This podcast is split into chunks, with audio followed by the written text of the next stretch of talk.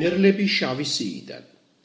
ბრძანების გამცემი ყოველთვის იყო და არის იმპერატორი. ნიშნულობა არა აქვს, რა სახელი ერქმევა თანამდებობრივად ან გუშინ რა ერქვა. ვინდა რაც უნდა ყოფილიყო, ყოველთვის მკვდრობდა და სულ იმის ფიქრში იყო, კიდევ როგორ დავეჩაგრეთ და შევეშინებინეთ.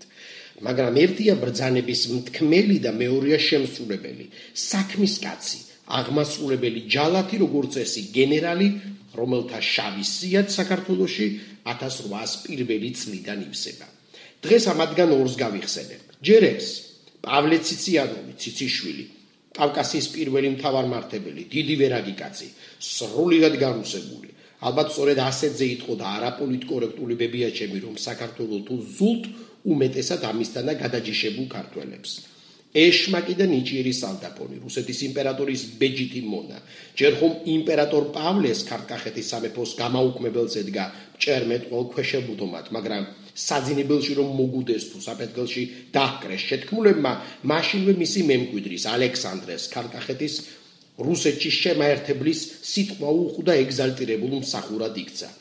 ეს ის მრავალი ნიშნით ორსახოვანი ალექსანდრია მამის პავლე პირველის მოკვდინებას რომ დათანხმდა მდუმარეთ და მე გულწრფელი ცრემლები დაიტირა ძველი რუსული წესით, როცა საბრალო მშობლის დამბლით დაღუპვის ამბავი ამცნეს. ამბობენ რომ იმპერატორის მკვლელებს შორის წარმოშობით ქართველი თავადიც იყო და ეს სულაც არაა დაუჯერებელი. რუსეთში ხომ უმეტესად საძინებელში კლავენ იმპერატორებს და როგორც წესი ეს უქართველოდ არ ხდება. სტალინიც ასე არ მოკვდა ორ საუკუნე ნახევრით გვიან და ვინღა იტყვის რომ ეს მეორე ქართველის ლავრენტი ბერიას გარეში არ მომხდარა. მიუბრუნდეთ ციციანოვს. ეს ის კაცი იყო წერილს წერილზე რომ აგზავნიდა იმპერატორთან ვიდრე საქართველოს ორი დედოფალი ერეკლე მეორეს ხრივი დარეჯანი და გიორგი მე-11-ის ხრივი მარიამი საქართველოსში დარჩებიან მანამდე რუსეთის წინააღმდეგ შეთქმულების საფრთხე იარსებებს და ამიტომ ორთავე დროულად უნდა გადავასოხმოთო გეგონება ერეკლე ამასთან ხდებოდა 1793 წლის ტრაქტატში. დღემდე რომ ცრუობენ საბჭოთა პროპაგანდისტები სამეფო გამიუქმეთ ბაგრატიონები დახოცეთ და საქართველოს ტფილისის და ქუთაისის გუბერნიად გარდაქმნითო ნუ თუ ვინმე შეჯერა რომ ამგვარ სუიციდალურ ხელშეკრულებას დადებდა ისეთი ჭკვიანი და გამოცდილი მართველი როგორც ერეკლე მეორე იყო. ქართულ მეფეებს სხვებიც იტაცებდნენ და კლავდნენ მაგრამ ბაგრატიონების ათასლოვანი მეფობა რუსეთის გარდა საქართველოს არც ერთ პოლიტიკურ მტერს არ გააუქმებია. არც მათ შორის ერეკლეს აქტუალურ და მრავალსახოვან მოწინააღმდეგეებს, სპარსებს და ოსმალებს. ამიტომ იყო საიმპერატორო ჩინოვნიკები თვალთმაქცური სიგინჯით რომ ელოდნენ ჯერ ერეკლეს გარდაცვალებას, მერე კი გიორგი მე-12-ის სიკვდილს. ციციანოვმა ოსტატურად ითამაშა ქართველების გახლეჩილობისადმი მიდრეკილებასა და ამბიციებზე და რუს ჩინოვნიკთა მიერ ქართველთ მწოდნეობის მომავალში არაერთ გზის გამოყენებული მოდელი დაამკვიდრა. ერთი შეხედვით პრიმიტიული ინტრიგებით კიდევ უფრო მეტად გააღრმავა ისედაც საკმაოდ მძიმე და უაზრო კონფლიქტი ერეკლეს შულებსა და გიორგის შულებს შორის. თუ ვის უნდა დარჩენოდა ქართკახეთის ტახტი ერეკლეს შულ იულონს თუ გიორგი მე-12 შულ დავითს სამწუხაროდ ქართულ ბატონიშვილთა ორივე ფრთამ გვიანღა გააცნობიერა რომ ტახტისთვის გიშპობას აზრი აღარ ქონდა რა კი უკვე თავად საქართველო გაუქმებულიყო. ხოდა ზოგი ბეჭე გუა ზოგიც იმპერიის შინოვნიკი გახდა და ზოგმა ციცოცხლის ბოლო წუთამდე იბრძოლა საქართველოს გათავისუფლებისათვის როგორც მაგალითად ერეკლეს შვილებს შორის ციციანოვისთვის ყველაზე საძულველმა ალექსანდრე ბატონიშვილმა. 1828 წლის შეთქმულებსაც კი რომ ჰქონდათ მისი გამეფების იმედი მართლაც რა არაქტუალური გახდა კონფლიქტი ორქურივ დედოფალსა და ბაგრატიონ ძმებს შორის, თორსა რუსეთის მამისმკვლელი იმპერატორის манифеסטი გამოქვეყნდა ქართლახეთის იმპერიის შემადგენლობაში შესვლის შესახებ. მაგრამ ეს უკვე სხვა ამბავია. პავლე ციციანოვის ისტორია კი ბაქოს მისადგომებთან დასრულდა ქართლახეთის გაუქმებიდან 4-ოდე წლის შემდეგ. მას ქალაქის მისადგომებთან მოაჭრეს თავი და ხელები და ნაკუც-ნაკუც აკნეს. გეგონება ეს ყოფილიყო მისი მისია ისტორიული სამშობლოს გაუქმება და მეორე თუნდაც სიკვდილი მაგრამ ვინ დაუფას ანკი რომელი გადაჯიშებულისათვის დაეფასებინათ რამე მაინდა-მაინც მის ხსოვნას რომ გაფრთხილებოდნენ.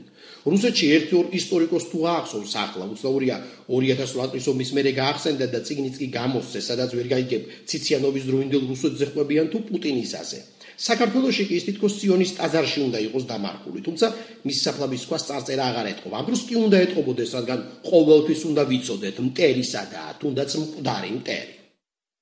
ჩემი მეორე ანტირჩეული გენერალი ლაზარენია. ეს კაცი ქართკახეთის დაგუბერნიებამდე საქართველოსში იყო და თანამედროვეთა მიერ ზაკი ჭამიად სახელდებულ ღვთისმოსავ და მომაკვდავ გიორგი მე-12-ს ედგა ვითომ და კეთილის მსურველ ზედამხედველად ვინც ისიგნებს სწორედ მისი ზედამხედველობის დამსახურებით გაჩნდა ძველი ჭორი რომ ქართკახეთის ბოლო მეფე თავისი სიკვდილით არ მომკვდარა და ის მოწამლეს გენერალი ლაზარევი ერთგვარი მცირე ფორმატის ბერია იყო, რომლის აგენტებიც უხილავ რკალად ეხვეოდნენ მეფესა და ბატონიშვილებს.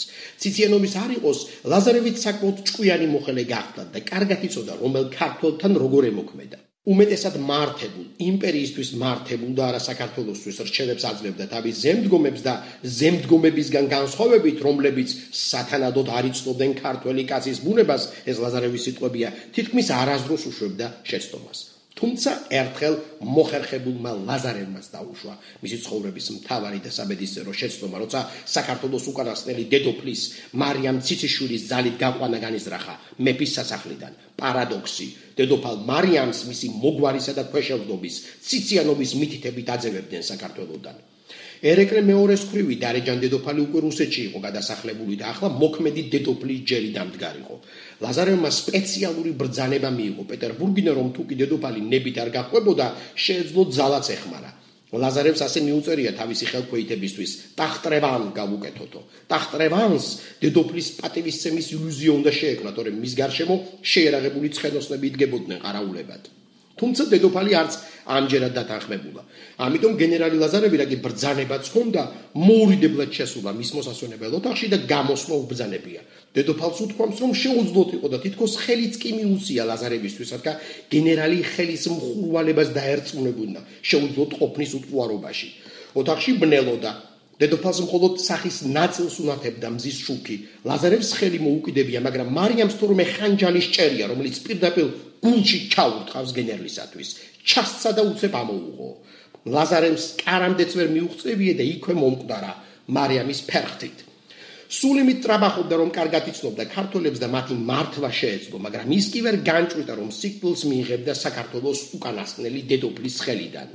თუმცა ისტორიამ სხვა ვერსია შემოგვინახა, სადაც ლაზარევს თავადი نيكოლოს ხიმშიაშვილი კლავს დედოფლის მოსასვენებელში და მარიამი კი თავის თავზე იღებს ჩადენილს. ბიპოლარული იმპერატორი ალექსანდრე, რომელიც ტირანიასა და ჰუმანიზმს შორის მერყეობდა, დედოფლის მოკვდინებას ვერ გაბედავდა. თავაც კი აუცილებლად ჩამოახჭობდნენ. თუმცა სადაც მამის მკვლელობას დათანხმდა, მარიამ ციცისურზე რაღაცა უნდა ეჭოჭმანა. პირველი ვერსიის სასარგებლოდ კი ის ცნობაც გამოდგება, რომ ლაზარევის ყოლობამდე რამდენიმე დღით ადრე მარიამს მის მსახურ ლეკებთან ესწავლა თუ დაეხვეწა ხანჯლის ხმარება. გენერლები კიდევ მრავლად ერჩოდნენ საქართველოს. გენერალი გრიაზნოვიდან გენერალ დენიკინამდე არა გენერალ დამპყრობელი ორჯონიკიძიდან 9 პლის წლის თავზე ფიტულად ქცეულდა ალებულ გენერალ როდიონოვამდე რომელთა ამბებსაც ალბათ სხვა დროს მოუყვებით. ეს ჯალათები რეალურები იყვნენ არსებობდნენ სპობდნენ და მე ისტორიის წვდიაჩი ინთქმებოდნენ მაგრამ დღეს არც ერთი მათგანი აღარ არსებობს. არც ძვლები აღარ დარჩა მათი და არც სახელები. საქართველოს კი მაინც არის. მაინც ოცხალია ხოდა საინტერესოა რა ბედი ეწია ან ეწევა გენერალ ბორისოვს